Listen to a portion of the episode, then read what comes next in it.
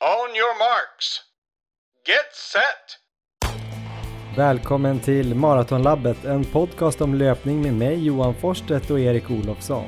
I det här 81 avsnittet kommer vi att prata med Mikaela Arvidsson och Johanna Salminen om deras senaste prestationer, men också om hur man bäst kommer tillbaka till löpning efter graviditet och förlossning.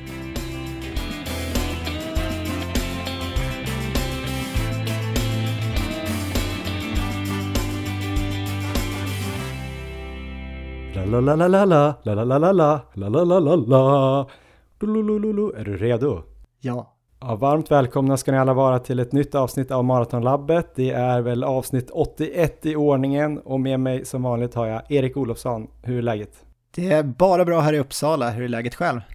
Det är bra. Det känns som det kan bli en bra dag faktiskt. Eh, solen skiner och jag ska ut och springa här om någon eh, timme. Eh, vi kommer ju prata idag lite grann om eh, graviditet och förlossning och komma tillbaks till löpning efter det och vi kommer prata både med Mikaela Arvidsson och Johanna Salminen, två av Sveriges just nu bästa långdistanslöpande damer. Men först kommer det handla lite mer om två ganska ointressanta löpare, Erik Olofsson och Johan Forsstedt. Ja, hur går det för oss egentligen? Um, det, det är väl lite blandat tror jag. För mig rullar det på ganska mycket efter planen och för dig så hoppas jag att uh, du börjar få ordning på dina problem. Ja, men jag har kommit eh, lite framåt tycker jag i min rehabilitering. Jag har haft problem med hälsenorna, framförallt högra hälsenan. Eh, jag har kommit till en insikt också här i helgen, vilket ju egentligen inte kom som någon överraskning, men jag glömmer bort det då och då och det är ju att eh, mitt rätta element är ju, ja vart är det egentligen Erik? Vart skulle du säga att jag eh, skulle kunna konkurrera som bäst? Om vi skulle mötas i en tävling och du skulle tänka så här, ja ah, här har Johan bäst chans. Säg att det skulle vara över eh, tusen meter också. Ja. Vart skulle du då lägga tävlingen då? Om du ville att jag skulle ha stor chans. Det skulle vara nere i Nyköping i så här riktigt tät skog där vi sprang Ångaloppet förra augusti. När jag sprang på maxpuls och inte kunde hänga på dig där. Så att det är väldigt, eh, ganska tuff skogsterräng skulle jag säga. Precis Erik, och det kommer jag på att det är där jag är okej, okay, bra, eh, jämförelsevis. Och det är också där jag eh, har som mest roligt när jag springer. Eh, vi var ute i mitt torp här i helgen och så sprang jag obanat ganska mycket. Eh, lördagen sprang jag ett längre pass som var, ja, det var lite småvägar men också mycket skogsstig och även och hygge och lite elljusspår och sådär. Eh, kände inte av hälsenan speciellt mycket, kändes bra efteråt också. Och dagen efter så körde jag lite 30-30 i någon väldigt tät tallskog med massa kvistar som typ försökte hugga mig i bröstet när jag sprang förbi. Och jag var lite så här som en slalomåkare som slog bort så här käpparna. Alltså. Jag slog bort så här grenar och hoppade över stockar och stenar. Så var det ett dike i mitten. Och när det började kännas lite för lätt så vände jag upp, det var lite kuperat så här. Och så bara dunkade jag på i skogen och så sprang jag runt och tänkte så här, alltså Erik Olofsson, han hade aldrig hängt med mig här. Det låter, det låter fruktansvärt. Han hade inte ens vågat gå in i den här lilla skogsdungen. Ja. Han hade stått där ute på vägen och kollat på mig. Eh, och våndats. Men, men där sprang jag runt eh, och, och det gick ganska bra så här maxa. Ja, det var inte så bra för snitttiden på Strava för jag tror inte klockan hängde med där i den här lilla skogen. Men ja, jäklar vad kul det var. Det var så stort leende på läpparna. Ja, lite så här eh, som att man upptäckte någonting nytt faktiskt. Så jag måste faktiskt ta mig ut till skogen oftare, nästan alla pass nu ett tag tror jag. Och sen måste jag hålla kvar det när hälsenan blir bättre, att jag kommer försöka kombinera asfalt och skogen. För jag vill ju fortfarande ibland då tävla på asfalt, för det är ju kul att se liksom hur, riktigt hur snabbt man kan springa också. Vad tror du om den här strategin? Eh, jag tror det, det låter helt rätt, tycker jag. Och eh, hur pass obanat är det när du springer? Är det stigar eller är, det, alltså, är du ute i mossa och springer? Hur ser det ut egentligen? Ja men det där 30-30 körde jag helt obanat. Eh, det var liksom mossa men ganska stökigt med mycket, ja med små mm, vindfällen, alltså träd som har blåst ner och så lite kvistar och någon bäck och sådär. Så det var ju mer som att springa orientering, alltså rakt ut. Eh, dagen innan där var det ganska blandat, där var det lite stig och också så här. Men jag gillar ju de här, eh, det kanske är absolut roligast att springa i de här små single track-stigarna. Jag vet inte, man säger väl så när man cyklar tror jag, mountainbike, men när de är lite så här, ja, men ganska smala, en och en kan man bara springa, men det ändå är en liten stig. Men det kan vara någon liten stock man hoppar över, någon sten man måste eh, trippa över där. Det är väl det roligaste, för då kan man ju trycka på ganska hårt ändå. Men det är ändå för obanat för en landsvägslöpare.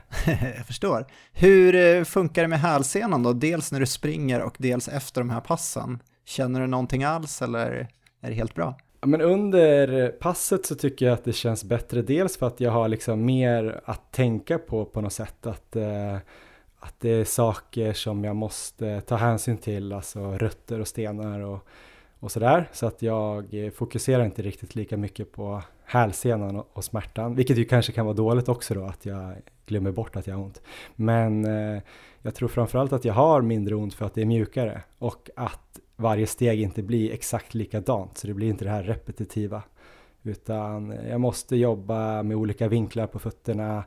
Jag måste koppla på bålen, det här som jag har fått i läxa här av eh, min fysio här, Just eller det. min fysio, men Rud Alsemchest, just det här med bålen. Eh, jag var faktiskt och träffade honom igår och han tyckte det var bra att jag sprang i skogen. Han sa väl att eh, hjärnan är så pass smart att den sätter på precis det, den bålstabilitet som behövs för det underlaget man springer på. Så springer man på asfalt så blir väl kroppen lite lat och trycker den inte på alla stabiliserande magmuskler och sådär. Men i skogen måste den kanske göra det för att hålla eh, för att hålla uppe steget och att man inte ska falla ihop och sådär. Så jag tror att det kan vara ett bra sätt att koppla på och få tillbaks det här samtidigt som jag gör mina övningar då som är väldigt, eh, ja inte enkla men de är väldigt grundläggande. Så ja, det var väl mitt svar. Hälsenan känns mycket bättre när jag springer och jag tycker mig också känna att det inte är riktigt lika slitet dagen efter. Ja, men det låter ju väldigt bra det här. Är det risk nu att vi kommer förlora dig till orienteringen igen? Ja, det är stor risk. Hade det varit tävlingar och så nu så hade det ju garanterat, eh, hade jag varit putsväck. Men eh, nu är det ju lite krångligare, det är ju inga tävlingar där heller riktigt. Eh, men jag ska nog eh, skaffa en sån här naturpasset-karta som eh, finns för många olika skogsområden över hela landet tror jag. Jag vet inte om det heter naturpasset överallt. Jag tror det heter hitta ut på vissa ställen. Men det är liksom kartor där det finns markerat då skärmar eller kontroller som ja, men ligger ute hela sommaren så man kan springa runt och leta när man vill. Det är kul, så det ska jag väl göra. Ja, ja men det låter, jag tycker det låter mer positivt än senaste veckorna i alla fall. Ja, ser mig som en modern Gunder Hägg. Han sprang mycket bara snöpulsning, korta, hårda backryck eller vanliga rycklöpning. Ja, det där blir, det blir jag snart. Ja. Så jag är 3.43 på 1500 också. Härligt. Själv då Erik, du kör ju den här kamikaze-stilen ju. Du ska ju försöka springa så långt som du kan i 3.33-fart den sista maj, eller var det 30 maj kanske? Ja. Det kanske är samma sak, jag vet inte, jag har dålig koll på kalendern. Men eh, du har ju tränat mycket med en grupp där som, eh, där du bara försöker hänga på. Hur går det? Um, ja men det går ju bra och det är väl ungefär så mina kvalitetspass har sett ut. Att jag hänger på så länge det går och sen så har jag fått vika ner mig. Um, mm. Men förra veckan var en, eh, det var en riktigt bra vecka. Jag sprang väl eh, 17,5 mil totalt och då var det bara två kvalitetspass. Men eh, riktigt hårda så att eh, alltså behovet av återhämtning mellan passen har varit extremt. Jag har, eh, all min så här distansfart nästan har varit väldigt långsam. Så ja, 5.15-5.20 har jag ofta hamnat i de passen och haft rejäl träningsverk mellan passen. Men eh, kvalitetspassen har ändå gått bra tycker jag. Hade ett mm. pass här i förra veckan där vi skulle springa jojo egentligen då, så det var sex minuter först i 3.32 fart och sen så tre minuter i 3.22 fart. Så först kan man mm. säga att det var marafart och sen gick man 10 sekunder snabbare. Eh, planen var åtta stycken sådana 6 minuter och 3 minuter, så totalt 72 minuter eller då 20 och en halv kilometer. Så ja, men det kändes ju som att det gick väldigt snabbt i början där när vi stack ut i 3.32 och sen ännu snabbare såklart när vi gick ner i 3.22, men det intressanta tyckte jag ändå var att eh, när man då gick tillbaka till det här, om man nu kan kalla det för långsammare tempot, men i alla fall in i det tempot så var det ändå som att eh, puls gick ner lite och det kändes ändå på något konstigt sätt lite bekvämt. Eh, så att de där passen tycker jag är väldigt intressanta ändå, sådana här jojo-pass, just för att göra sig lite mer bekväm i tävlingsfarten då. Det är väldigt fascinerande när man kan uh, vila. Jag har kört några sådana där halvmarafart, 5K-fart. Inte sådär långa då naturligtvis, utan ja. då är det lite kortare arbetstider. Men just när man kommer tillbaks till halvmarafarten och känner att så här, ah, vad bekvämt det var. Ja. Medan man tidigare bara kände att man låg och tryckte på nära tröskel, så det är häftigt. Ja. Men du körde då kanske mer ja, förhoppningsfull eh, marafart och 10K-fart då? Ja, det kan man säga. 10K-fart just nu och så marafart som du hoppas. Så egentligen för dig kanske halvmarafart, 10-fart nu. Ja, jag ska inte säga att, det är, att jag hoppas på den marafarten. Jag vet ju att jag inte har den marafarten, men någon gång i framtiden hoppas jag väl kunna ha den. Mm. Men jag kan väl säga om det nu kändes bekvämt där i början, så det höll ju inte hela passet såklart, utan eh, sådär 8 kilometer in ungefär, eh, då började ju farten flyta ihop lite kände jag för mig. Alltså, det var inte jag som höll farten, så att de var ju ganska exakta. Jag ska väl säga också att några av de är snabbare var vi ju nere stundtals i 3.15 fart också, för att det var mm. några där i gruppen som drog på ganska bra och det är ju väldigt kostsamt för mig just de små skillnaderna. Eh, men snittet tror jag ändå hamnade där någonstans på 3.22. Eh, men eh, åtta kilometer in så kommer jag ihåg att jag vände mig och frågade till Johan om det var snabb eller långsam fart vi eh, springer och då var det långsam fart och då kände jag att det här börjar nog bli väldigt tufft nu. Men jag hängde i i alla fall och tog mig totalt 12 kilometer och efter 12 kilometer skulle jag gå in i den här snabba farten igen och då gick det inte längre utan då, då var det över för mig. Men fortfarande ett väldigt bra pass. Ja men det måste ändå ha gett en ganska bra snitt då på de här 12 milen måste ha gått eh, bra nära 35 i alla fall, 35-36. Ja jag tror jag hade 35 blankt efter 10 okay. och hade man då, då tror jag vi precis hade sprungit en långsam del också så hade man mätt så att säga med mer av de snabba delarna så hade det varit en bit under också.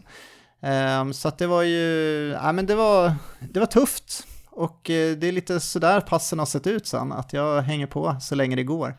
Det är tur att jag är skogslöpare nu, annars hade jag blivit lite lätt avundsjuk. Eftersom jag för, i mitt förra liv då, som asfaltslöpare ville jag ju komma under 35. Ja. Eh, nu är jag ju mest skogslöpare så nu bryr jag mig inte. Nu kollar jag bara på fåglar och ekorrar. Härligt. Ehm, men jag kan väl nämna också det andra passet förra veckan, det var ju långpasset då som vi körde på söndagen. Och då träffas vi på morgonen där eh, vid nio tiden och det var väl en 25 pers tror jag som träffades där nere vid Fyrisån i Uppsala och eh, det var 14 pers som hängde på min grupp där. Ehm, ja. Jag hade redan sprungit 4 km uppvärmning när jag kom dit, men vi startade i alla fall med 60 minuter i 4.05 fart och eh, då var det fortfarande ganska bekvämt då, så att då sprang man ju och snackade ganska mycket. Så det var jättetrevligt, sprang och pratade med lite olika folk där. Och sen så gick vi över med 30 minuter i 3.50 fart. Så då började det gå snabbare och då sprang ju inte jag och pratade så mycket längre utan då var jag ganska tyst. Det var väl några som fortfarande hade det som snackfart. Körde du dina stön då? Eller kom Nej, de, de kommer senare. Ehm, för sen skulle vi gå in i så här 10 minuters intervaller. Planen var 4 gånger 10 minuter och då var det lite så här snack där precis innan vi ska gå in i dem så det vart uppdelat som i två grupper en grupp som gick i 3.20 fart och eh, min grupp då som ja, får kallas den långsammare gruppen som gick i 3.30 fart. Så att jag hängde på först en 10 minuter där som kändes jobbig men ändå det fungerade ganska bra. Sen gick vi in i någon slags eh, joggvila i tre minuter och sen så startade vi en till 10 minuter och eh, under den 10 minuten där, så här en 6 minuter in, då började min andning bli så här väldigt, väldigt hög och då kom jag in i det här vad ska man säga, maratonstillståndet som jag hade senast. Så det mm. började ju övergå i någon slags eh, skrik, den här andningen på slutet där, så att jag tog mig igenom den andra tio minuterna, men på slutet så var det nästan att jag var på gränsfall och sprang och skrek där. Så att eh, där fick jag vika ner mig då, det kändes som att, ja, det är klart jag kan starta en tredje tio minuter också, men um, jag kommer ju inte ta mig speciellt långt där. Så att uh, så långt tog jag mig i alla fall, och sen joggade jag hem fyra kilometer, så det blev väl totalt 37 kilometer. Och det var ju några där som körde fyra gånger tio minuter, så att jag tror när jag vek ner mig då var det fortfarande en åtta pers kvar ändå och körde. Så eh, det var riktigt kul i alla fall att vara en så pass liksom, stor grupp och köra ett sånt där långpass. Det är stor skillnad mot som jag kört förut, att eh, vara ute och kört sådana här pass helt själv. Ja, men du pratade lite sen om att du bara kör två, eller bara, men du kör två riktigt hårda då, kvalitetspass kan man väl säga, och vila resten. Ehm, är det här något recept du tror att många andra borde följa också? Kanske speciellt när de börjar bli runt vår ålder då, även om, om vi känner oss unga ibland. Jag tror att det här är bra i den eh, specifika perioden inför ett maraton till exempel, så tror jag att det är helt rätt upplägg att uh, träna så här. Men sen, eh, jag tror inte man kan göra det hela året för det sliter ganska rejält känner jag ändå. Um, mm. det är ju, jag känner verkligen det mellan passen. Så att det går nog inte att köra året runt, men uh, men just här i Uppsala nu så tror jag att det är många som tycker det är så kul nu när vi har blivit en så stor grupp, så att det är många som lägger sin träning efter det här. Jag hade ju kanske andra planer egentligen, eh, köra mer dubbeltröskel och backträning och sånt nu, men nu anpassar jag min träning helt efter den här gruppens upplägg just eftersom det har varit så roligt. Ja men inspirerande att springa i de där stora grupperna helt klart. Men Erik, det har inte bara varit eh, positiva tongångar eh, från dig när man har pratat med dig om löpning den här veckan. Eh, berätta vad som tynger dig. ja, men jag, jag varit lite provocerad här i förra veckan. Ehm, det var på ett av mina lugnare distanspass då, som jag var ute och sprang och lyssnade här på den senaste episoden av I det lange löp, den här norska podcasten som vi har pratat en hel del om. Ehm, det har väl kommit ut en ny episod idag samtidigt som vi släpper det här då, men det handlade ju om i alla fall situationen med doping i Kenya ehm, mm. under den senaste episoden. Och där intervjuade de bland annat då Sonde Norstad Moen som tränar ju mycket där på plats i Kenya. Och han har ju en vän där och lite allt i allo också från Norge som heter Nils. En väldigt frispråkig man, minst sagt, som var med där i podcasten också. Eh, han bor i Kenya där i alla fall med fru och barn. Och eh, den här bilden som målas, målades upp där i podden om situationen där tycker jag var riktigt så här chockerande och provocerande. Alltså jag sprang runt där och lite så här gapade nästan för att eh, det var liksom så eh, jag, jag, visste ju en hel del om det innan, men det var liksom när man får det lite så här svart på vitt där ändå, hur, hur de upplever det där på plats, så är det ju, alltså det är ju otäckt. Så det var ju det, var ju det, jag var ju tvungen att ringa dig där precis efter jag lyssnade på den här episoden och jag har ju försökt få dig att lyssna på det här så att vi, vi skulle kunna bolla det här lite med varandra och nu har ju du lyssnat på det också. Du kanske inte har blivit lika chockerad och provocerad eftersom jag hade typ berättat allt för dig innan antar jag. Ja men det handlar ju mycket, det här avsnittet handlar ju mycket om dopningsproblematiken i ja, Östafrika egentligen, men framförallt i Kenya eftersom ah. var där. Och upprinnelsen var väl en bild på en spruta som det visade sig att det var den här norrmannen, jag kommer inte ihåg vad han hette nu. Nils. Som faktiskt hade tagit och sen skickat då till en journalist, en norsk journalist som har publicerat den och blivit ganska stor, eh, ja, både utlandet men även Norge och Sverige. Um, det visar ju då på att det kan vara så att de eh, injicerar någonting, någon löpare där, det är oklart, det är inget så här superbevis. Eh, det var också någon berättelse om eh, en träningsgrupp var uppe i bergen som bland annat Bridget Koskei var med i. Ja. När Sondre och den här norsken hade varit uppe i närheten, de skulle springa men blev nästan bortkörda därifrån. Det var väldigt mycket hysch-hysch, heller inget bevis på att de dopar sig men jag vet inte hur många kenyanska löpare som just nu var avstängda för doping, men det var ju väldigt många. Och eh, du frågar om jag blev upprörd också och det är klart jag blir upprörd när folk fuskar och sådär men jag har svårt att ta det liksom personligt så. Sen är det ju lite sorgligt att eh, det kanske är en sån situation att det betyder så himla mycket för för eh, löpare där att eh, slå igenom, att få tjäna pengar och dessutom tänker jag att det finns mycket liksom eh, agenter och liknande, typ europeiska agenter som kanske pressar de här löparna ganska hårt. Ja, men jag är ju jag är upprörd. Det är mycket för att jag är så ett fan av sporten och ändå har suttit och kollat väldigt mycket maraton senaste åren, blivit väldigt intresserad och jag vet inte, kanske går tillbaka egentligen till skidåkning också. Man har liksom suttit och kollat här i början av 2000-talet när Per Elofsson har tävlat och eh, fullt, fullt handslopp där mot eh, Johan Myhlegg till exempel. Och sen så eh, hur Myhlegg där liksom krossar Elofsson som sen inte egentligen kommer tillbaka efter hans karriär. Och Myhlegg då har ju varit dopad såklart. Så att det, jag tycker det är ju Alltså det är ju riktigt hemskt för sporten och så. Och eh, rent, mm. rent moraliskt så kan jag förstå att man liksom lättare dopar sig i Kenya och länderna där omkring än Europa för att skillnaden på att liksom vara snäppet under världseliten där och att vara då i världseliten är ju så livsförändrande. De pengarna som det liksom gör hjälper ju inte bara dem själva utan för hela släkten.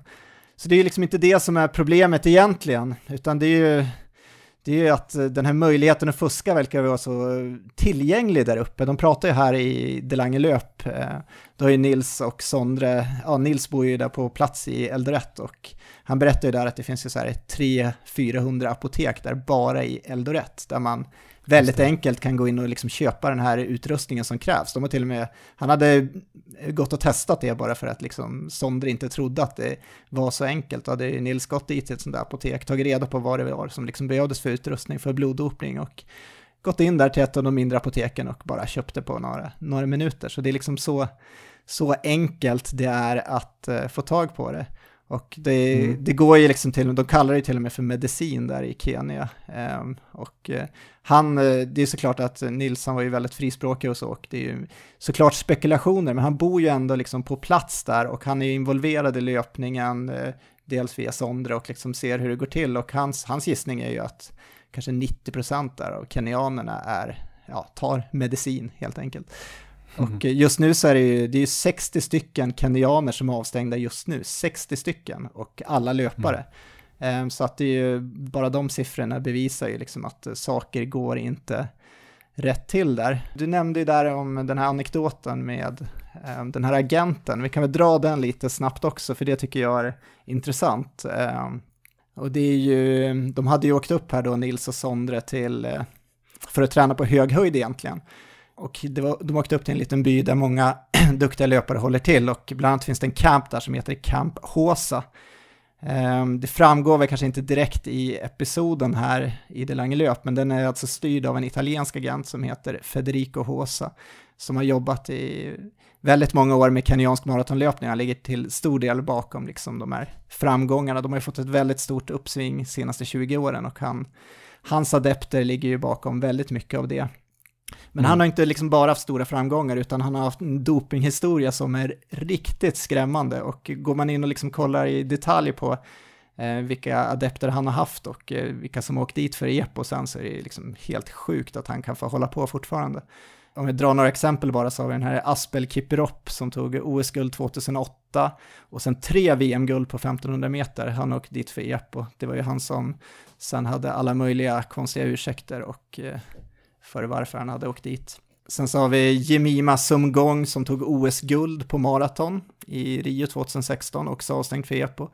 Eh, vi har en eh, tjej som heter Rita Jepto som, hon gjorde faktiskt maratondebut i Stockholm eh, 2004, där hon vann. Ehm, och efter det så har hon vunnit Boston Marathon tre gånger, också EPO-avstängd. Ehm, så alla de här har liksom varit i den här Camp Håsa och den här Federico Hosa har varit deras agent.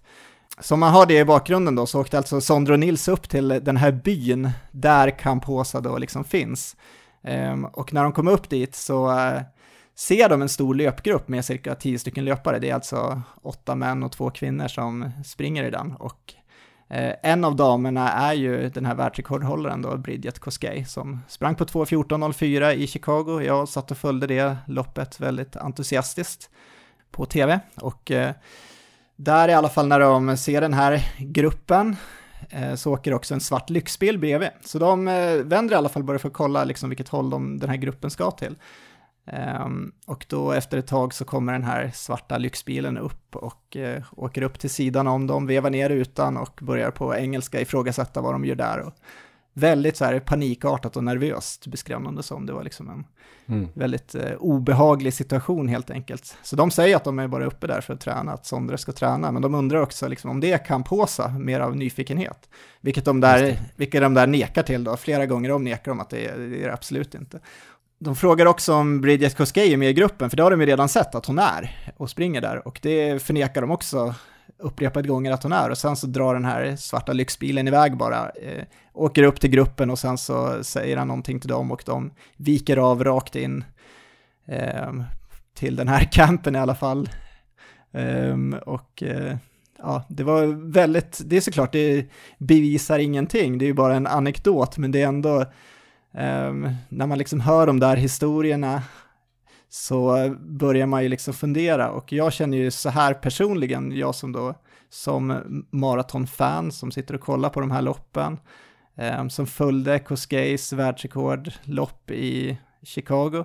Eh, bara det liksom faktum att hon väljer att ha den här Federico Hosa som agent och tränar i hans camp trots alla de här skandalerna och eh, liksom hans rykte.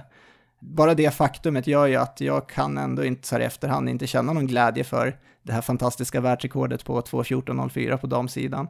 Visst, hon har inte åkt dit och det är liksom, så är det ju, hon har inte åkt dit för doping, men eh, nästan alla andra av hans bästa atleter har ju gjort det och hon följer ju frivilligt det, samma program där. Så mm. Eh, det är väl typ så jag känner. Eh, jag vet att man ska inte hänga ut någon som inte liksom har dopat sig, men jag känner själv i alla fall att jag, jag börjar tappa lite så här glädjen för att följa eh, maratonlöpning och det tycker jag är skittråkigt för att jag, jag har verkligen liksom fått ett uppsving och tycker det är riktigt roligt egentligen att sitta och kolla på. Mm.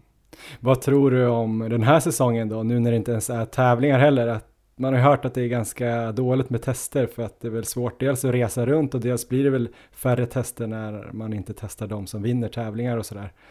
Eh, tror du att det är ännu mer utbrett det här året eh, man bygger upp sig inför OS-säsongen?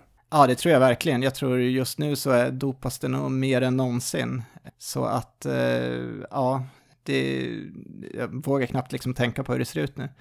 Jag tror det är riktigt illa runt om i världen. Det är klart det inte bara är Kenya, utan det är på andra ställen också. Men man måste ju liksom göra någonting åt det här problemet nu. För att det här kommer ju i slutändan döda sporten i alla fall, göra den väldigt ointressant tycker jag. Och det är väldigt tråkigt. De hade ju några mm. förslag där som ändå jag tyckte var intressanta i Iderlange löp. Um, jag tror det var Sondra som sa där att han tyckte att man skulle upprätta sådana här testfaciliteter eh, på några mm. av de här ställena där många av eh, världseliten tränar mycket. Så till exempel där uppe i Kenya, uppe i Iten där, att, att liksom mm. sätta upp eh, testfaciliteter där. Etiopien, Sydafrika, Flagstaff, de här stora ställena. Um, Sankt Moritz var inne på det ja, här precis. franska stället nere i Pyrenéerna. Ja, så det är ju en väldigt bra idé. Men sen så tror jag i slutändan, just med tanke på, alltså Ryssland är ju avstängda nu, där var det ju statsdopning, så det var ju statsstyrt, så det var ju annorlunda än det liksom är i Kenya, där det mer bara är någon slags, har blivit någon slags kultur där det är accepterat. Men eh, ja, blir det inte bättre nu, vilket det ju inte verkar bli, så måste det ju till en avstängning för hela landet och sen så får väl det blir som i Ryssland att eh, vissa atleter får kanske träna eller tävla under neutral flagg om de kan visa där att de inte har, ja, eller om de kan visa att de eh, har skött sig så att säga. Det känns tråkigt så att det, jag, ja, jag har varit lite provocerad här i veckan Johan. Ja, jag förstår det och jag hörde det. ja. Nej, men det är spännande. Jag läste faktiskt en artikel igår också.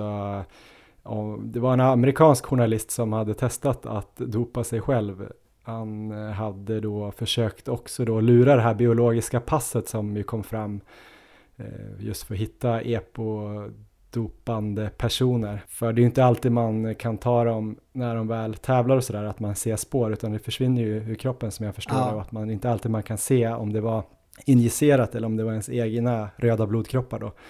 Men just med de här avvikelserna i röda blodkroppar kan man ju se det här biologiska passet och då kan man ju stänga av folk för det. Just det. Men eh, han då, hans projekt var väl att han, eh, han testade först att beställa EPO eh, och gjorde det ja, via internet. Hittade, det här är alltså ingen rekommendation till er lyssnare. Men han fick tag på det från Kina, de skickade hem det i kartonger till mobiltelefoner så fick han de här medicinerna. Och sen injicerade han, han hade väl hjälp av någon läkare, så gjorde han sån här mikrodosering då som man kan göra. För då är det ännu svårare att se skillnad på de kroppsegna eh, hormonerna och den här EPO då. Så, och även om det är liksom mikrodoser så kan det ju bli en ganska bra effekt på någon procent hit och dit och det avgör ju ofta OS finaler och sådär. Så sen så testade han ju sig själv. Eh, han hade tränat upp sig på en bra nivå innan och sen så körde han tre veckor när han körde olika tester. Sen dopade han sig i, om det var sex eller åtta veckor. Ja. Eh, och liksom hade ju extrema resultat på den tiden. Jag tror att han gick från, eh, jag tror han gick upp eh, 7-8% i VO2 max på Oj. sju veckor. Eh, och eh, sen slutade han och var på en helt annan nivå efteråt. Och sen så hade han ju folk då, eh, en ej namngiven, jag tror det var en representant från WADA som försökte då tolka det här biologiska passet för att se om man kunde se att han hade dopat sig. Men ja. Eh, den personen då sa att det hade aldrig gått att se på ja. ditt pass för det var inte så stora avvikelser. Så det här, du hade klarat det liksom. Och då visste han att han hade dopat sig i 6-7 veckor. Så det är lite skrämmande. Ja, det är otäckt. Eh, speciellt, jag tänker också när det är så mycket löpare som det kanske är då i Östafrika. Nu hänger vi ju, låter ju som att vi hänger ut de här, men jag tänker också att det är svårt att hålla koll på alla de här unga nya löparna. De har ju liksom kanske inga avtryck i det här biologiska passet. Det är en annan sak om man har tävlat på tävlingar flera år, då kanske det är lite svårare ändå. Men just ja. om man är på den där nivån att komma upp i eliten, eh, att kanske dopa sig under något år där man kan då träna på en helt annan nivå än vad man skulle ha kunnat gjort annars och återhämta sig bättre och kan ligga på hårdare. Det kommer ju vara effekter som sen håller i sig resten av karriären såklart. Det är ju ja. inte som att det bara försvinner och sen är man tillbaks som en soffpotatis utan det ena bygger på det andra så att säga. Så det är väl eh, lite läskigt och trist om man var elitlöpare att veta att man tävlar mot det där. Ja, de frågar ju Sondre där också i episoden hur liksom han ser på det hela, han som tävlar mot många av de här som fuskar och eh, han säger det att äh, men jag måste ju bara slå dem eh, trots att de fuskar i princip. Men det, är ju, det känns ju bara så otroligt tråkigt att man ska behöva liksom tänka så.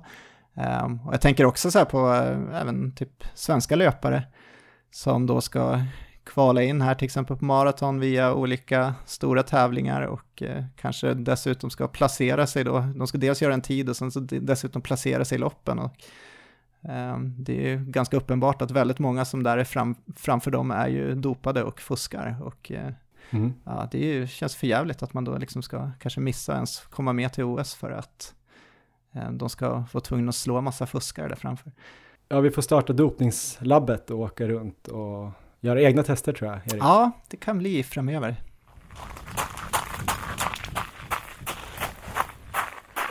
Innan vi går in på avsnittets egentliga huvudämne, det här med att eh, vara gravid, föda ett barn och sen komma tillbaks till löpning, så ska vi också tacka vår samarbetspartner Löplabbet, Sveriges största butikskedja för löpning med åtta butiker plus en riktigt bra webbshop. Erik, jag vet att du suktar efter eh, den här nya Nike tävlingssko för maraton eller ja, egentligen för alla distanser, men Alpha Fly, du har inte fått tag i den än? Nej, jag har ju varit och frågat ett par gånger här på löplabbet efter den om den är på gång, men det verkar ju som att det dröjer väldigt länge. Det har ju det var ju snack där i början av året där i samband med den amerikanska OS-uttagningen på maraton där många sprang i den att den skulle komma ut då strax efteråt. Men jag antar att det är väl kanske hela den här coronapandemin nu som har gjort att saker går långsammare. Jag såg att Henrik Ingebrigtsen fick hem ett par hemskickade där. Han är väl sponsrad mm. av Nike, så att eh, det känns ju som att eh, får han nu hemskickat ett par personligen just nu så kanske det ändå dröjer ett tag innan de finns ute i butikerna. Jag trodde du skulle säga om han får ett par hemskickade nu i dagarna så kanske mitt paket med ett par kommer om en vecka. Det borde vara så. Hoppas. Ja, nej, men vi får se när det kommer Alpha Fly. Jag tror att det skulle komma fler inför London Marathon, men som sagt nu när tävlingarna är eh, inställda och eh, kanske något med produktionskedjan gör att det blir fördröjt så får man väl hålla till godo med andra skor. Då kan vi också då berätta att eh, Soconis Vaporfly-modell, om man nu får säga så, vi har ju sagt så tidigare, men det får man kanske inte, men de har i alla fall en modell med kolfiberplatta den kommer komma ut här i början av juni och då kommer den komma in på löplabbet och den heter ju Saucony Endorphin Pro. Den kommer kanske väga lite mer än Next Percent. Jag tror den skulle väga ungefär 213 gram i storlek eh, US 9 istället för typ 190 tror jag Next Percent vägde. Men eh, 8 mm dropp, men jag fattar det som att den kommer vara lite mer stabil och den kommer dessutom antagligen vara billigare än Nikes Race-skor. Och eh, den har fått väldigt, väldigt bra omdömen, det jag har sett eh, från de som har provat. Eh, har du läst någonting om Saucony Endorphin Pro, Erik? Det har jag inte gjort, men eh, det här låter spännande och det kan, kan definitivt bli ett inköp av dem istället. Ja, vi får väl se om vi överger Nike som tävlingsskor. Början av juni i alla fall.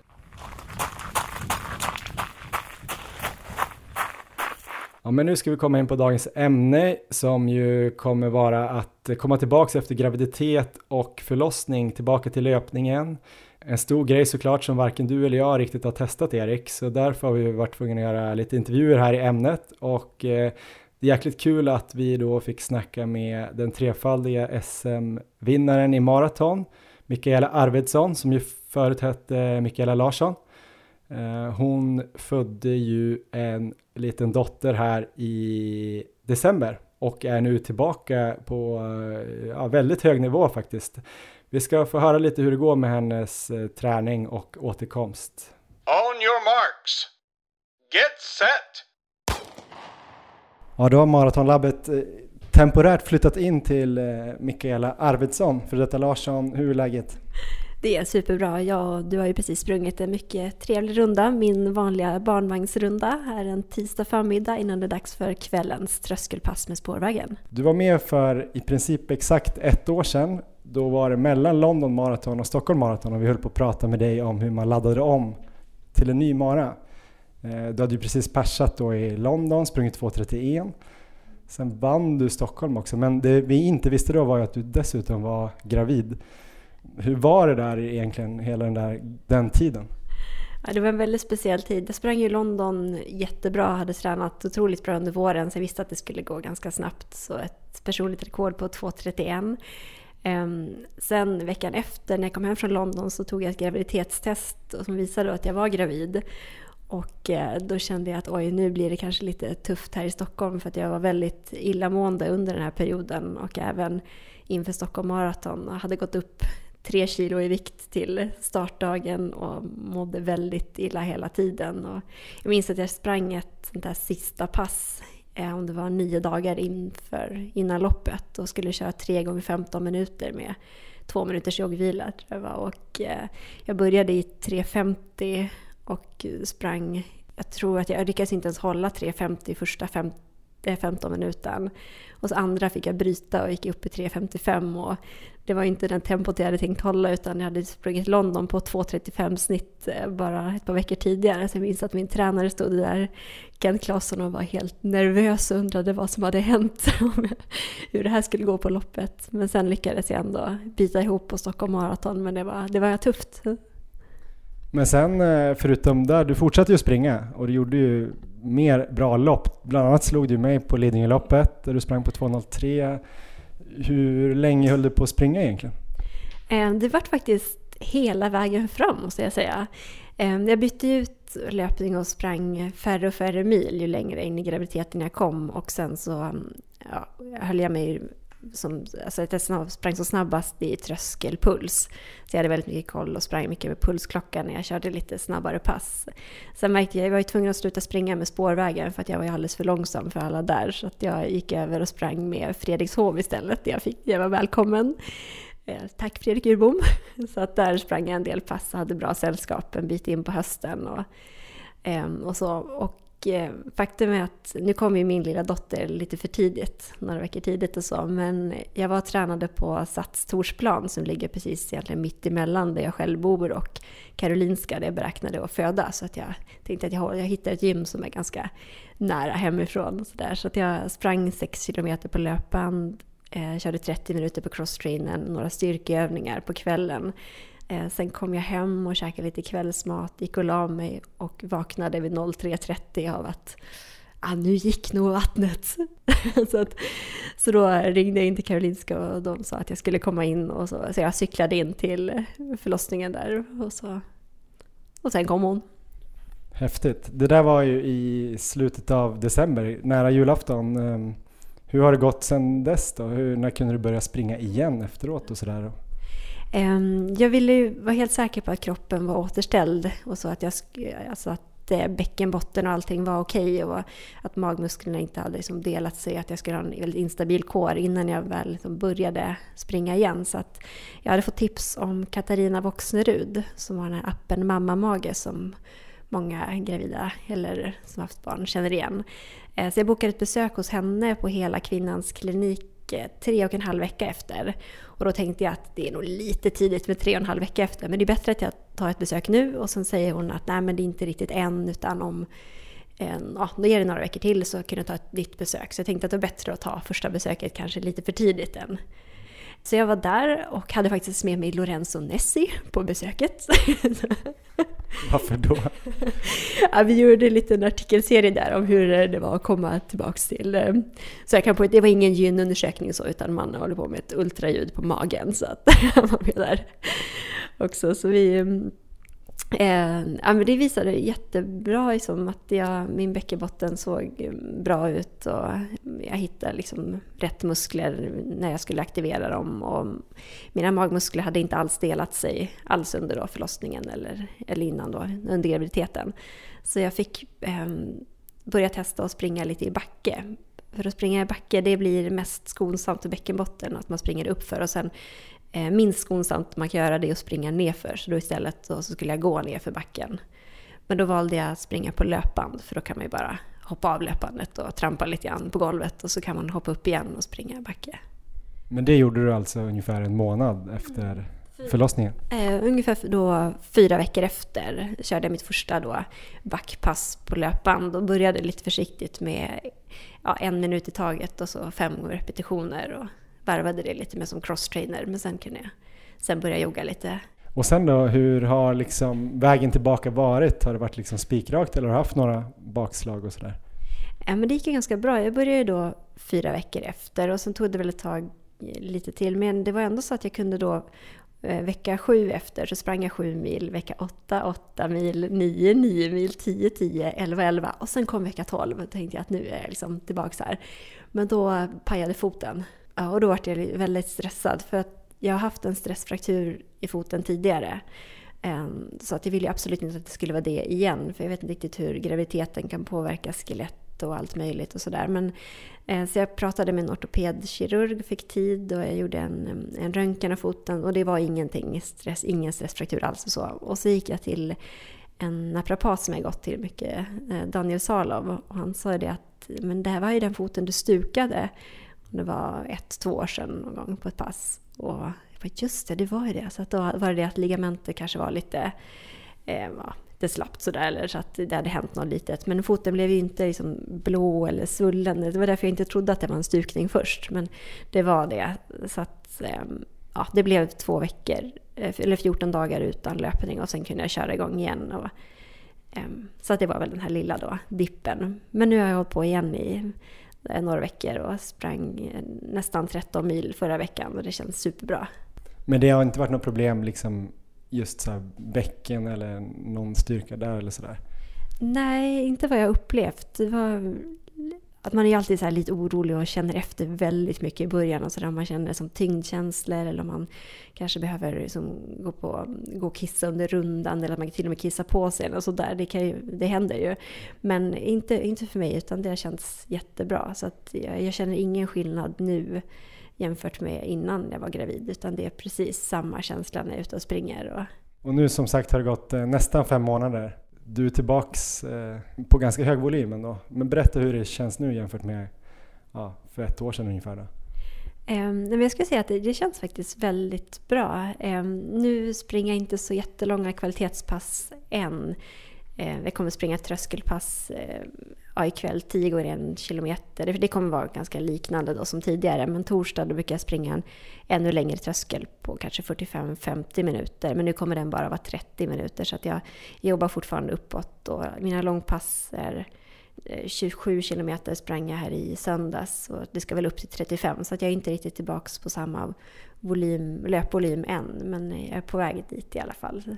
Så att eh, jag tar det lite försiktigt, varvar lite med crosstrainer men jag tror formen är nog ändå ganska samma som ska jag säga runt London.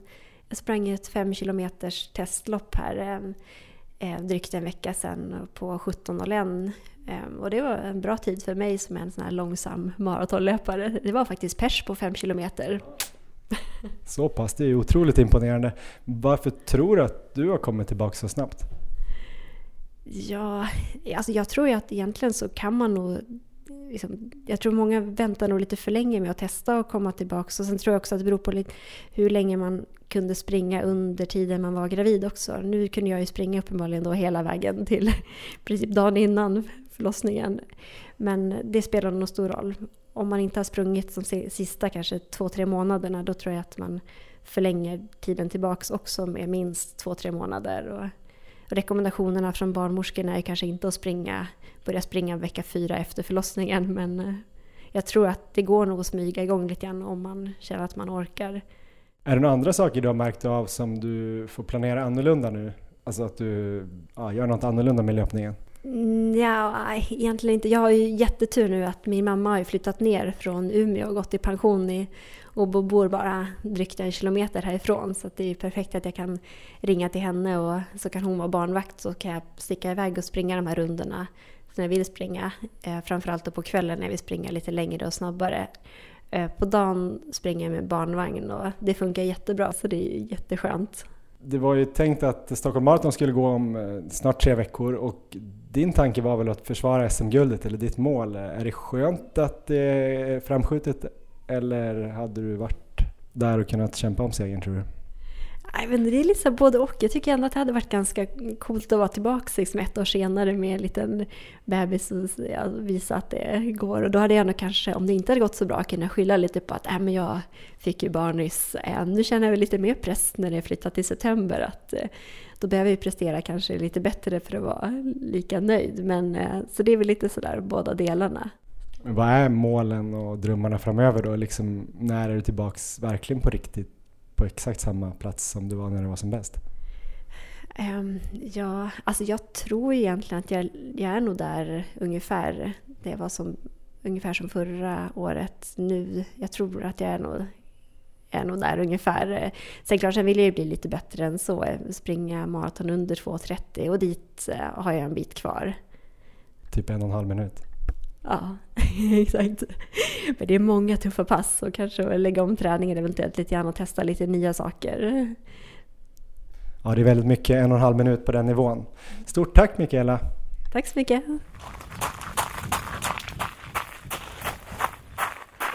Ja, det där var alltså Mikaela Arvidsson som ju är verkligen på gång.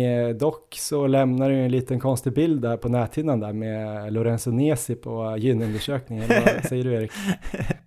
Nej, men jag tycker det är ju, alltså det är ju så helt otroligt att kunna springa så långt, alltså så långt in i graviditeten och liksom dessutom så snabbt som Mikaela har gjort. Eh, och just det här faktumet att hon nu känner att hon kanske är i samma form som i London där när hon sprang på 2.31, det är ju helt otroligt. Men Mikaela är ju lite av en superwoman. Du var ute och sprang där med henne, så hur tyckte du det såg ut? Ja men det såg bra ut. Vi sprang ju i och för sig bara typ 8 kilometer distans i ganska bekväm fart. Hon var lite orolig för min eh, distansfart som hon hade då hört var kanske 4.33. Ja. Men jag lugnade henne med att säga att jag sprang 4.33 till 4.52 eller vad det bra, var. Johan. Så då uh, tyckte hon att det var okej. Okay. Vi landade på 4.42 tror jag. Hon körde utan klocka, bara på känsla. Hade någon runda där som hon har mätt ut typ på uh, Google Maps eller någonting. Ja, väldigt avslappnad. Men hon är ju lite så här lätt robotlik tänker jag när man ser på hennes hennes eh, återkomst här faktiskt, det är, som du sa, hon sprang väldigt länge, hon sprang ju till och med dagen innan och cyklade sen in till eh, Så vi vill ju också vara tydliga då med att eh, man får se det här som någon typ av inspiration, att det kan gå så här bra. Ja, precis. Jag ju bara ett, ett barn så jag väl följt en graviditet väldigt nära eh, och förlossning och återkomst och sådär. Och, eh, men man hör ju också om eh, väldigt många som kanske har svårt att komma tillbaka till träning överhuvudtaget. Så, ja. så att, det här är ett extremt exempel tror jag. Om hon dessutom då är tillbaks på samma nivå här mindre än fem månader efter förlossning. Det är ju helt galet. Men jag tycker man ska ta med sig några grejer som hon gjorde väldigt bra. Då. Det var väl att försöka träna långt in i graviditeten. Men här vet man ju också, det är ju orättvist, vissa mår ju svindåligt liksom från ja. vecka två och eh, blir sjukskrivna för att de ligger och spyr hemma. Så det är väldigt, väldigt olika hur man, hur man mår. Men hon springer länge och tränar länge gör ju att det är lättare att komma tillbaks. En annan grej som jag tyckte var smart var ju att ganska tidigt göra den här undersökningen och kolla bäckenbotten och magmusklerna och kanske ta hjälp. Är det någon gång man ska satsa på kanske pengar eller satsa på att ta tag i sin träning så tror jag det är efter en graviditet. Att få hjälp att hitta tillbaks till, till just det här äh, bålstödet och alltså bäckenbotten och, och verkligen kolla att nu är det okej okay att springa och sådär. Det tror jag är en nyckel. Absolut.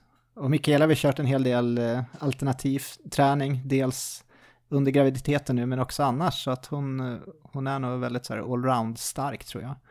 Mm, hon har ju den här bakgrunden från gymvärlden som man ofta brukar läsa om och hon hade ju en crosstrainer i eh, i vardagsrummet nu också såg jag när jag var förbi där och lämnade lite grejer innan löp, löpturen.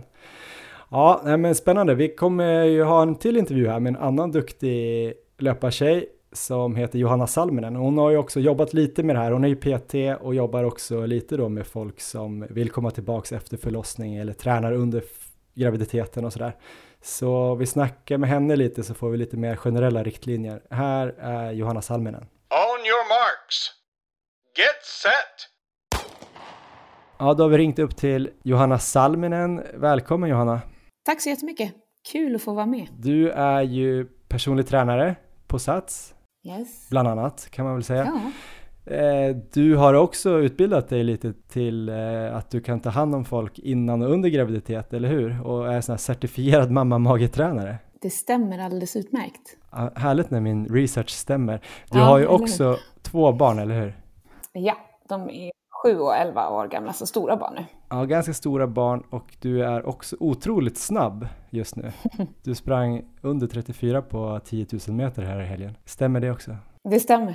Det ska vi komma tillbaka till, det blir en cliffhanger. Ja. Först tänkte jag faktiskt att vi skulle fortsätta på det här spåret som vi pratade lite med Mikaela Arvidsson om.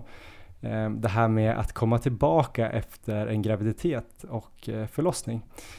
Vad skulle du säga är de största utmaningarna? Ja, så här, just med, med att komma tillbaka efter graviditet och förlossning. Först så ska man ju bara poängtera att det är eh, väldigt individuellt. Eh, alla utmaningarna är individuella eh, och det måste man alltid ha med sig i de här frågorna. Och så tänker jag också att alla de bakomliggande faktorerna till utmaningarna är också lika många.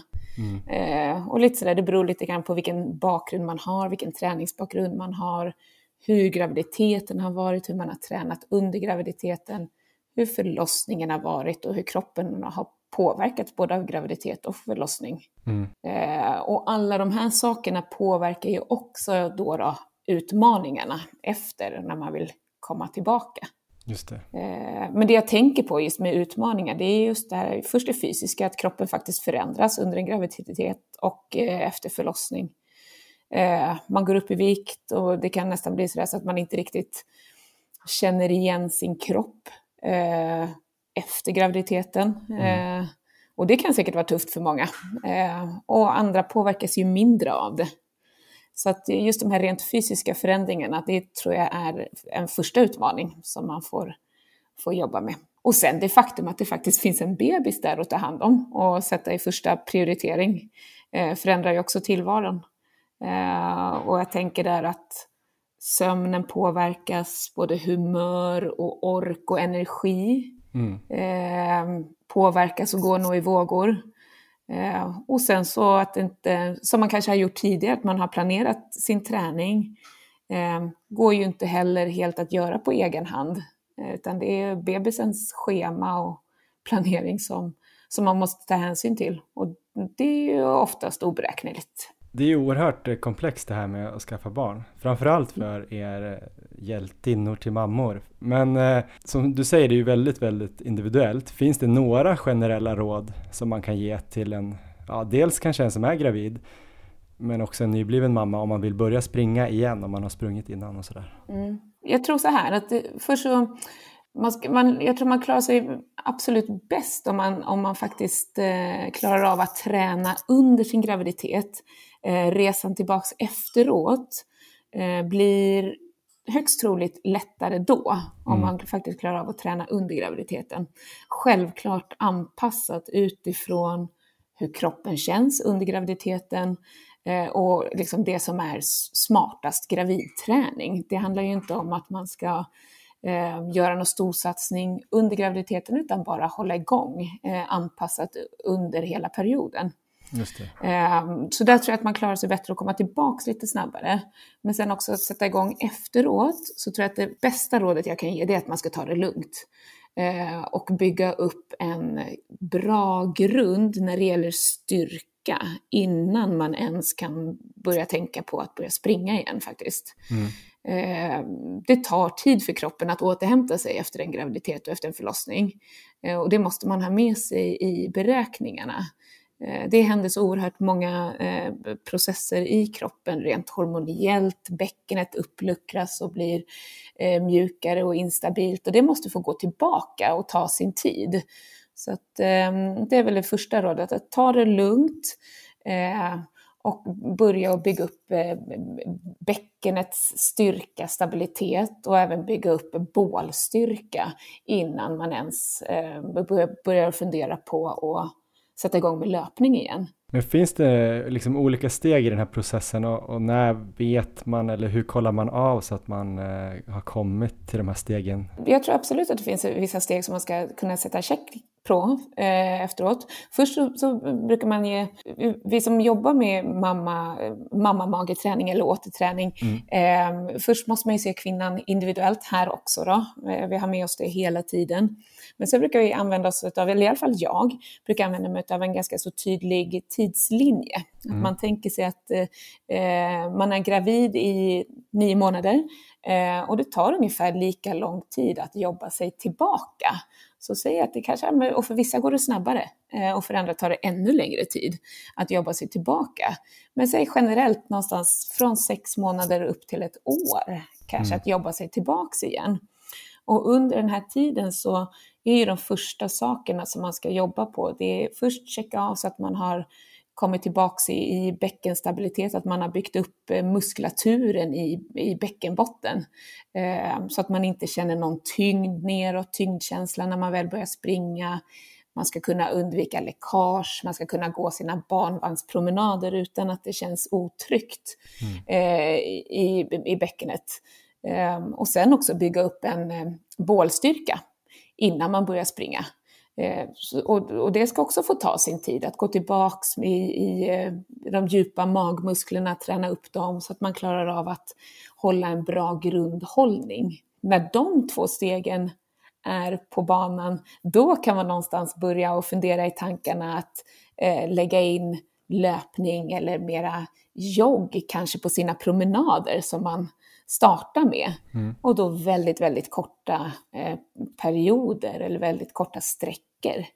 Eh, så att någonstans där, att bygga upp en styrka, bäcken, djupa magmuskler, klara av att ta sina promenader, kanske med barnvagn, kanske lite powerwalks utan. Och sen lägga in nästan som korta joggintervaller på eh, sina promenader och sen kanske börja ta steget till att faktiskt få det att likna till löpning. När man sen går över till löpning då lite mer, ska man nästan tänka som om man vore helt nybörjare, att man börjar lägga in liksom fem gånger två minuter löpning och gå emellan. Alltså ska man gå på den nivån eller kan man gå lite snabbare fram eftersom man var löpare innan? Ja men om man har varit löpare innan så Ja, då går det säkert att gå snabbare fram för vissa, men där kan det också vara så att, eh, att man har eh, förändrats så pass mycket i kroppen att man måste backa bandet än mer. Men, eh, men absolut, har man varit löpare tidigare så kan man säkert jobba med progressionen lite, lite snabbare.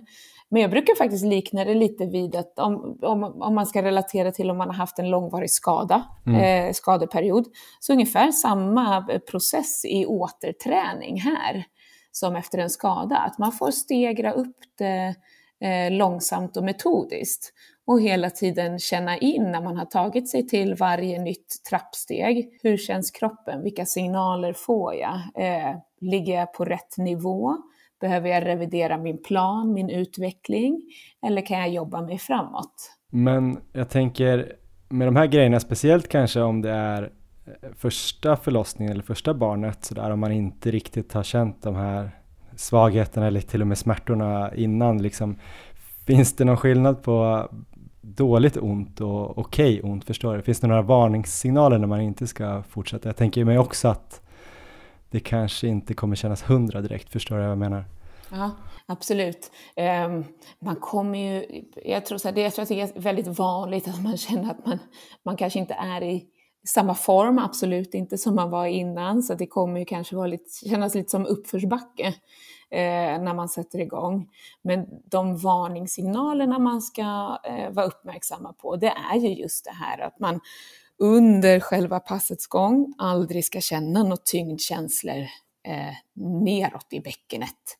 Och du ska också klara av att, eh, att inte få något eh, läckage under tiden du springer. Eh, och där brukar man nog kunna, av de erfarenheterna jag har, så, så har jag märkt att kvinnor känner den känslan. Mm. Det känns tryggt eller otryggt. Så fort det känns otryggt så ska man ju sluta det man, det man gör och backa bandet.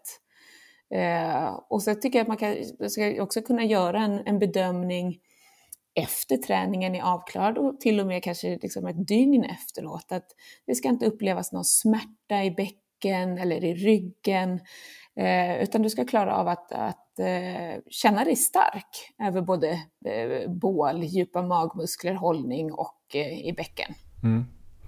Finns det någon typ av löpning som är liksom bättre att starta med, att det är mer skonsamt att springa. Mikaela var lite inne på uppförsbackar till exempel. Ja, absolut. Uppförsbackar eh, är ju jättebra att börja i, för det ger, ger, ger ju lite mer ansträngning eh, mm. utan att det behöver gå fort. Då. Eh, nedförsbackar kan ju vara tvärtom, att det, att det är svårare att hålla kontrollen i en nedförsbacke. Så uppförsbacke löpning är jättebra att starta med.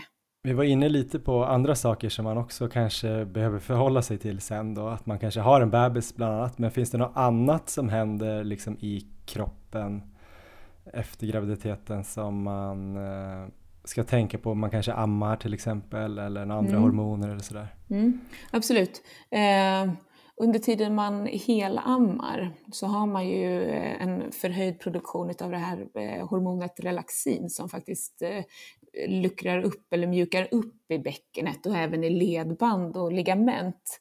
Så att där rekommenderas det inte att man, att man ska springa för att man är lite man är mjukare både över ledband och över hela bäckenet.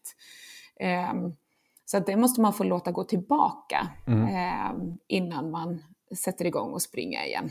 Och det här, jag tänkte bara på när man eh, är gravid och det här med att man pratar om att man inte ska springa för hårt, att få för hög puls, att det kan vara risk för fostret att få syrebrist. Är det liksom mm. en sån här eh, faktoid, en myt eller är det faktiskt så? Jag tror att det är väldigt, väldigt få eh, gravida kvinnor som faktiskt eh, tränar så pass hårt så att de liksom går, går, in i någon slags satsning. Eh, det kan vara värt att ha med sig. Jag tror att det är väldigt få som gör det, liksom att man har någon, någon tävlingssatsning eh, under tiden man, man är gravid.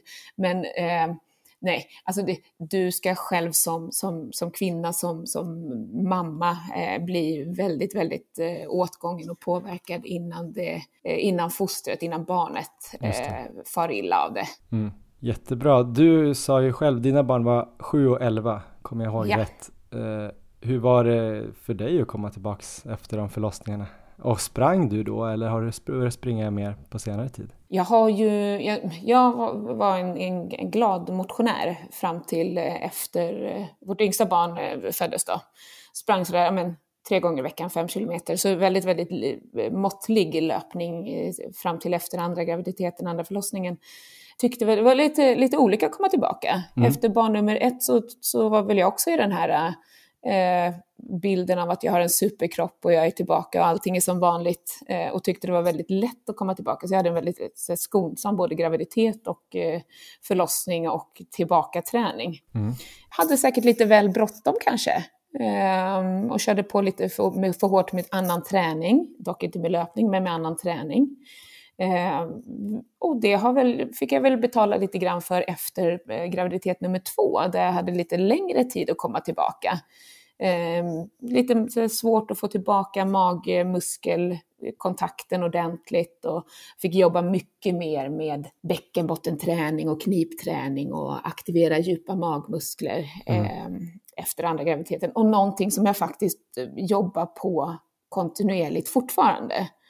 Uh, för det är någonting man får, faktiskt får göra, att det, det här är viktigt att, att, ta med sig resten av livet. Just uh, börja med bäckenbottenträning innan graviditeten, hålla på under graviditeten och sen efter också. Eh, och det ska man aldrig sluta med, utan det är jätteviktigt att ha med sig. Så det, det tog väl lite längre tid för mig att komma tillbaka eh, efter graviditet två, helt enkelt.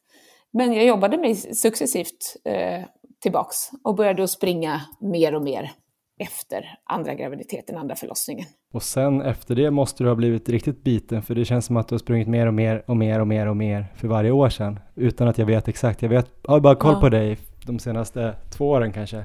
Mm. Men hur har det sett ut sen då med utvecklingen? Jo, men det började väl egentligen där att jag ganska tidigt efter eh, mitt, vårt andra barn satte jag upp ett mål att inom ett år så vill jag klara av att springa milen under 45 minuter. Mm. Eh, jag hade väl klarat det liksom tidigare innan barn, men låg väl någonstans där.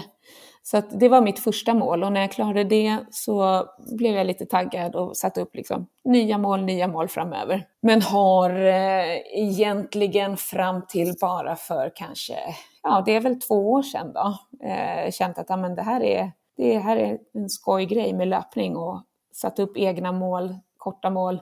Klarade väl av att ta mig under milen på 40 för en, kan vara tre, tre fyra år sedan. Mm. Och eh, därifrån kom det väl också, man sätter upp nya, nya mål och nya gränser för vad som är möjligt.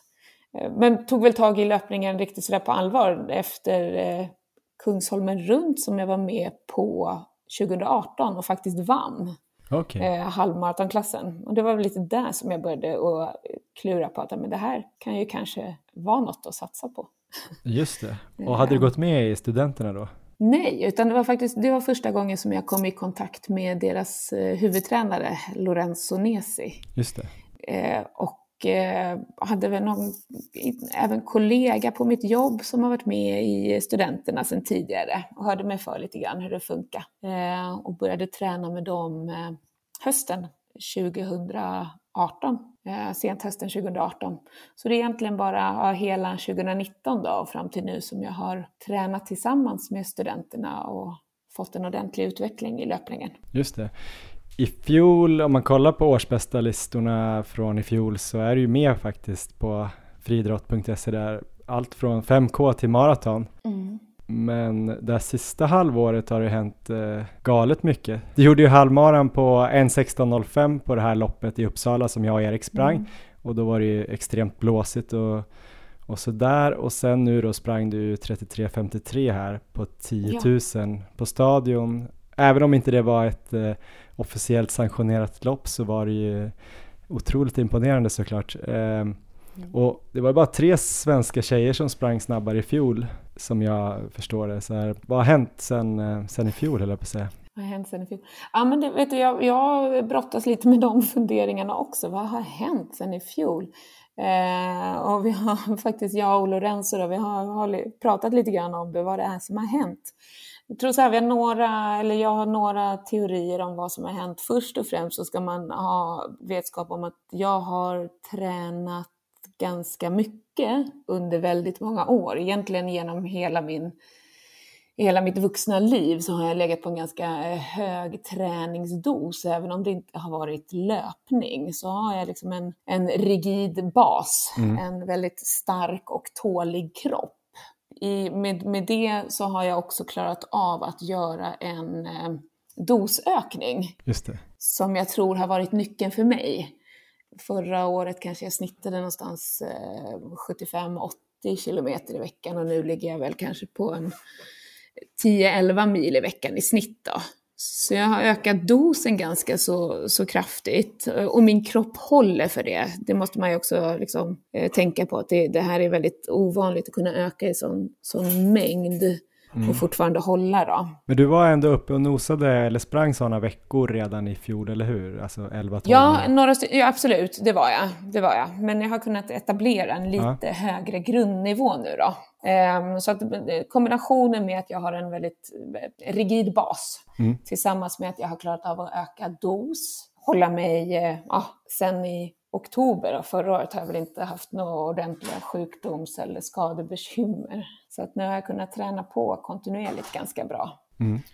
Sen har jag en tränare som eh, lägger eh, det vi kallar för skiss eh, med kvalitetsträningen. Just det. Och den håller jag mig till. Då verkar det funka bra. Hur ser den här skissen ut ungefär då? Vad kör du för typ av kvalitet? Det är ju det är lite olika beroende på vart man befinner sig över året då, och vad man siktar till för träning. Men man kan väl eh, enkelt säga att vi jobbar mycket med, med, med långa tröskelintervaller som mm. kvalitet. Och nu även när vi har lite fokus mot eh, kortare distanser, 5 och 10 000, så är det även eh, lite kortare och, och just intervaller på, mot 5 och 10 000 meters fart. Just det. Vi har ju eh, kvalitetsträning tisdag, torsdag och sen så även något lite längre distanspass med någon typ av kvalitetsinslag då på helgerna.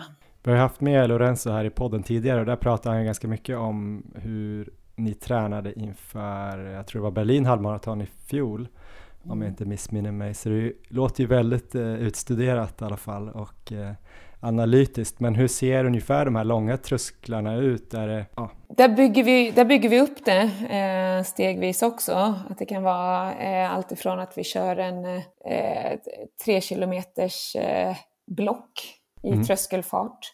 Och sen faktiskt det, det längsta passet nu då inför, ja om man tränar inför halvmara, det är ganska så rejäla pass där vi faktiskt har kört eh, tre gånger sex kilometer i eh, tröskel eller halvmaratonfart.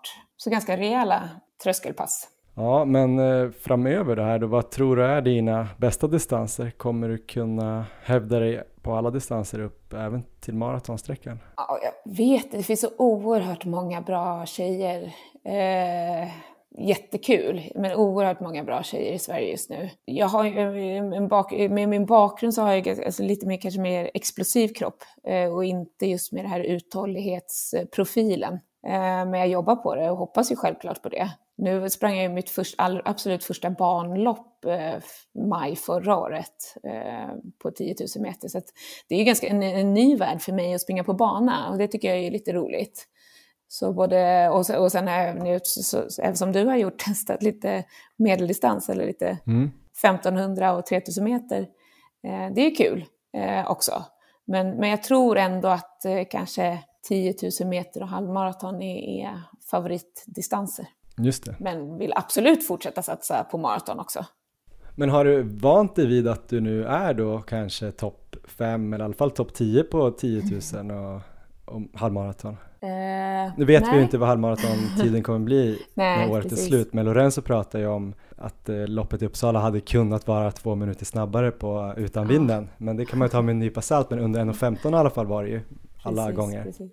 Ja, eh, ja eh, nej, det... Eh, lite blygsam är jag nog i min framtoning och mina tankar om mig själv.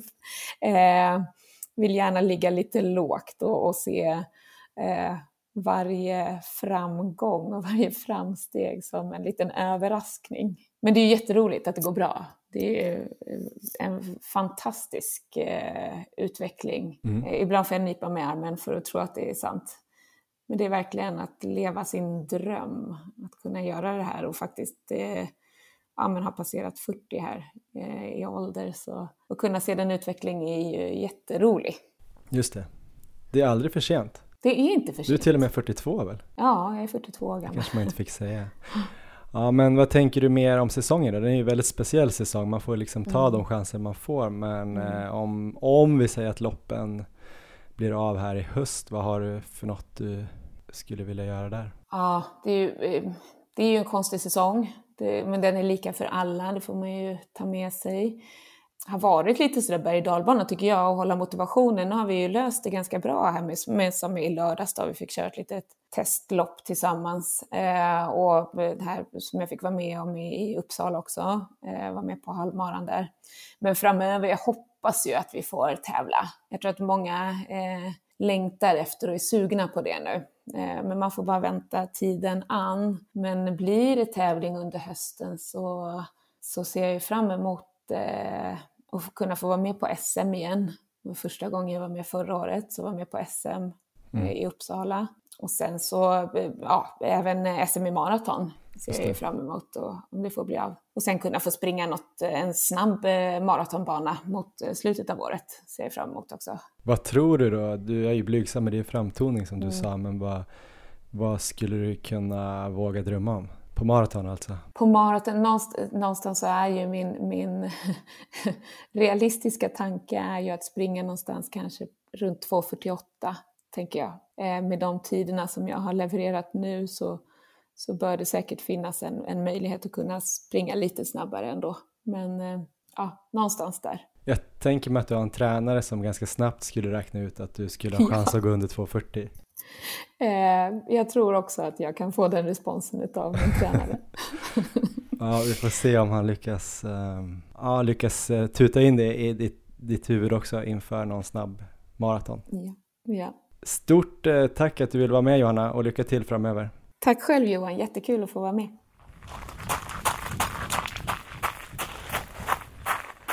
Ja, det där var alltså det 42-åriga stjärnskottet Johanna Salminen och när man lyssnar på henne så förstår man ju också lite mer det här med graviditet och förlossning och komma tillbaks kan vara olika för olika personer. Jag tyckte det var bra tips och råd där och just det här att tänka på att man kanske inte ska ha så här bråttom. Nu var det kanske dumt att ha ett exempel på en superlyckad återgång precis innan. Eh, så alla kanske blir jättestressade att man kan man komma tillbaks på fem månader. Men just som hon säger då att man kanske ska tänka att att återgången kan vara minst lika lång som graviditeten och ibland tar det ännu längre tid. Ja, så att, äh, äh, men äh, spännande och jag är djupt fascinerad av det. Jag tror att det ibland så ska man nog ta sig lite tid även som kille då eller man att äh, tänka sig in i den här uppoffringen som ändå kvinnor gör för att skaffa barn. Alltså just att först då nio månader alltså kanske inte man är ur form hela tiden, men man blir ju ändå påverkad redan från början och sen blir man kanske tyngre och större och, och får ont och kanske mår dåligt så himla länge och sen ja. ska man göra den här sjuka prestationen då, få ut det här barnet och sen kan det då minst vara lika lång tid som är då lite mer av ja, men rehab inriktad träning. Eh, ja, det är ju galet. Här sitter man och klagar på att man har lite ont i en hälsena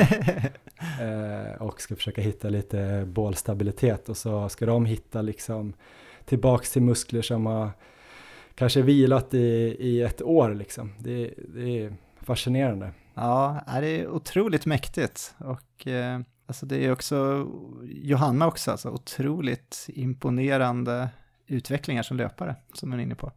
Ja, vi kanske ska gå vidare lite på det, ehm, så får intervjuerna ge det mesta om eh, det här med att komma tillbaka. Men eh, ja, vad säger du? Jag sa 42-årigt stjärnskott. Eh, hon sprang alltså på 33, 53 här på 10 000 meter på stadion nyligen. Är du förvånad? Um, alltså jag, så, jag såg ju Johanna här i Uppsala, hon sprang ju där framför oss i, i motvinden där på det här loppet, så efter den insatsen så är jag väl kanske inte förvånad, men uh, jag tycker, jag får ju lite så här Evi Palm-vibbar. Alltså det är mm. ju, det, fortsätter det så här så kommer det ju bli liksom mästerskap för Johanna framöver och uh, med tanke på utvecklingen här sista året bara så uh, det, jag vet inte vart det här ska sluta, hon är ju redan på liksom Eh, verkligen Sverige elitnivå. Ja men det är kul att se för jag som sagt som jag sa i intervjun så har jag väl haft lite koll här sista tiden och framförallt förra året så kommer väl vi i kontakt på något sätt via podden eller Instagram.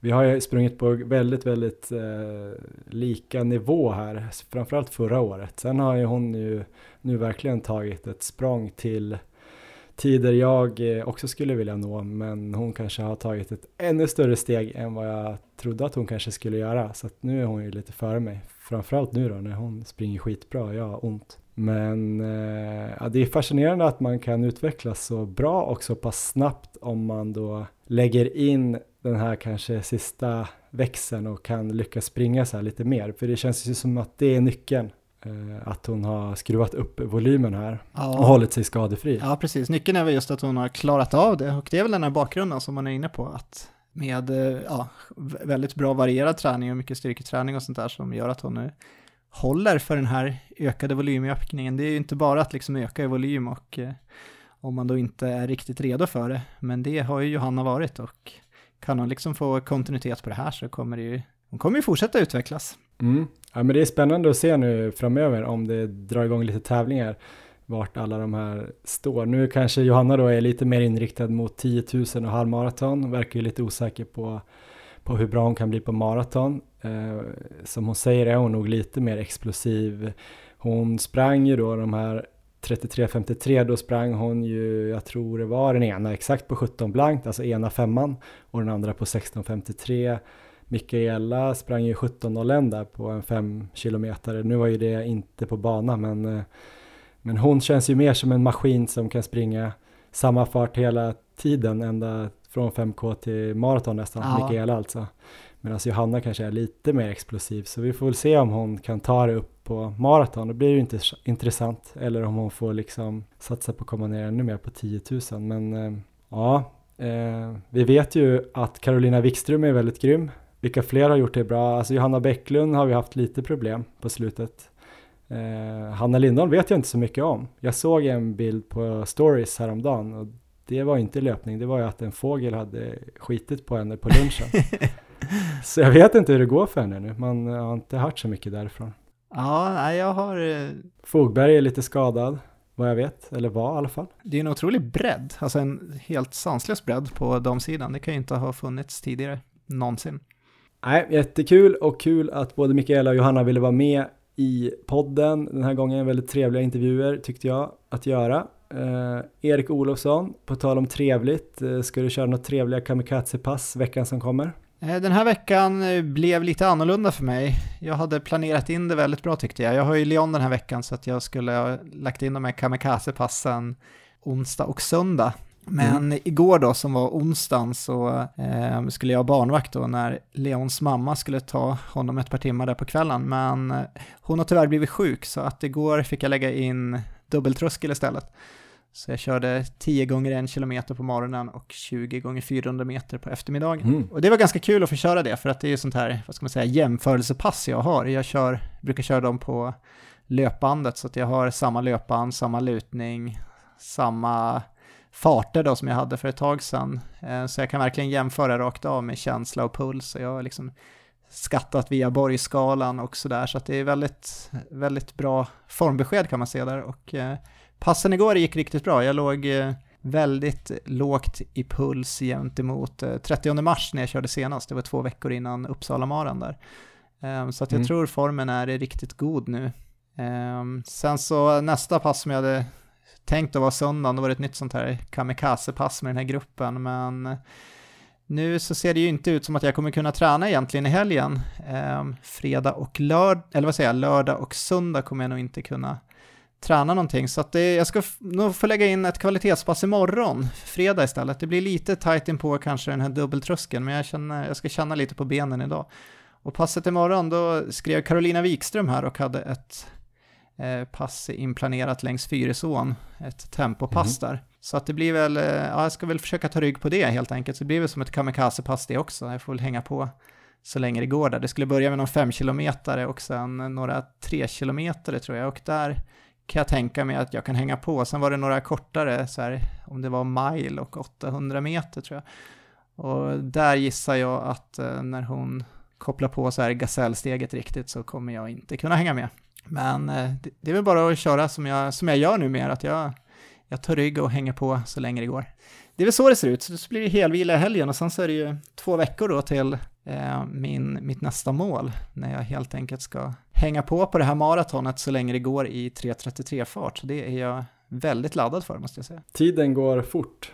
Jag väntar också på att få dra igång den här gissningstävlingen då, eller fortsätta den gissningstävlingen. Jag tror bara vi har fått en som har gissat. Det var väl på typ 27 kilometer eller vad var det? Jaha, okej. Okay, Mikael Tisjö gissade, eh, jag ska dubbelkolla, men någonstans där, du var ändå rätt nöjd. Eh, alltså hur långt kan Erik springa i 2.30 fart då på maraton, vilket är någonstans 3.32, 3.33. Um, hur länge håller han det tempot den uh, sista maj? Ja, vad tror du Johan? Det blir en spännande tävling. Uh, 300 meter. Nej, men jag tror, uh, nej jag vet det fortfarande inte. Jag måste ha mer information. Jag okay. måste se hur det här, uh, åt vilket håll det går, vad du ska ha för kläder på dig, vad det blir för väder, skor, vad du ska ha nutrition och så vidare. hur du Ja. har sovit sista veckan. Jag kommer lägga in ett tips ganska sent tror jag.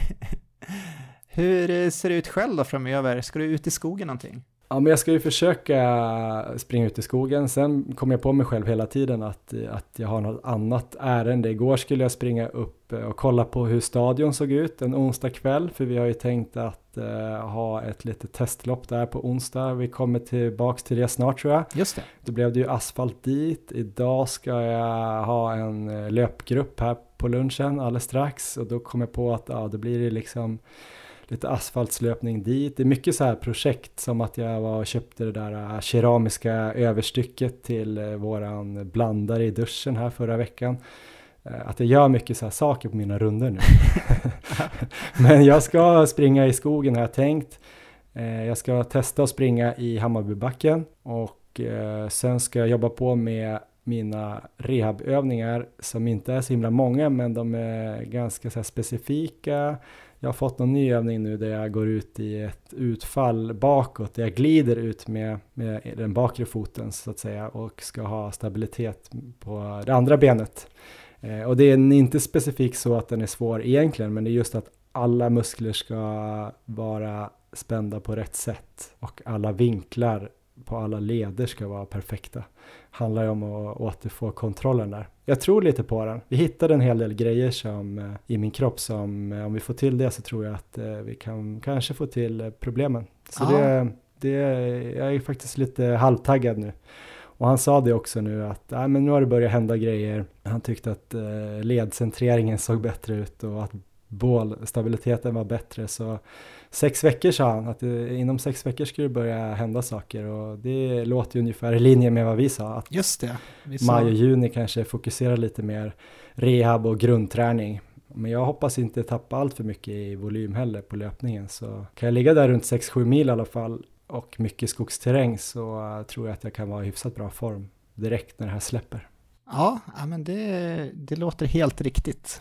Men innan vi slutar så tänkte vi bara prata lite mer om det här testloppet på onsdag. Vi har inte satt en eh, exakt tid, men vi ska springa 10 000 meter på onsdag. Vi får se om du tar dig in eh, till eh, Stockholm. Det är coronatider och man frågar sig ju om man, man får ta, ta tåget och sådär. Vi kanske hittar någon som kan köra bil från Uppsala som du kan lyfta med. Man får ju Ja, nu precis. tydligen åka bil en till två timmar hemifrån, sa de väl igår på på det här eh, dagliga mötet, eh, regeringen och myndigheterna. Jag kanske kommer in, men du kommer vara där i alla fall. Garanterat. Jag kommer vara där och jag kommer förhoppningsvis kunna hålla 4.00 fart. Vi kommer springa då ett hit som är 10 000 meter sub 40 där på stadion. Det kommer vara starttid någon gång eh, efter sju, någon gång mellan 19 och 20. Jag var där och reka igår, det såg bra ut. Sen så har jag velat dra igång ett eh, sub 43 hit också och där fick vi något avhopp vet jag, men om det är någon som är intresserad av att fylla upp det hitet så uh, hör av er. Så uh, det finns också några platser kvar för sub 40, men hör av er om ni, är om ni är intresserade nu på onsdag den 20 maj. Det var det vi hade för den här veckan Erik. Eh, ni kan ju gå in då på Instagram och följa oss, där heter vi Maratonlabbet. Eh, kan också kolla på Strava om jag springer i skogen och Erik på löpbandet eller om man eh, kommer in i sin eh, grupp där igen. Eh, Vi heter Erik Olofsson och Johan Forsstedt där. Sen hör ni av er om ni vill springa testlopp på onsdag och så går ni till löplabbet och köper era löpgrejer. Tack för mig i alla fall Erik. Tack för idag Johan. Ge dig ut i skogen nu. Ta in tallbarsdoften. Lyssna på fågelsången. Spring lagom snabbt och njut.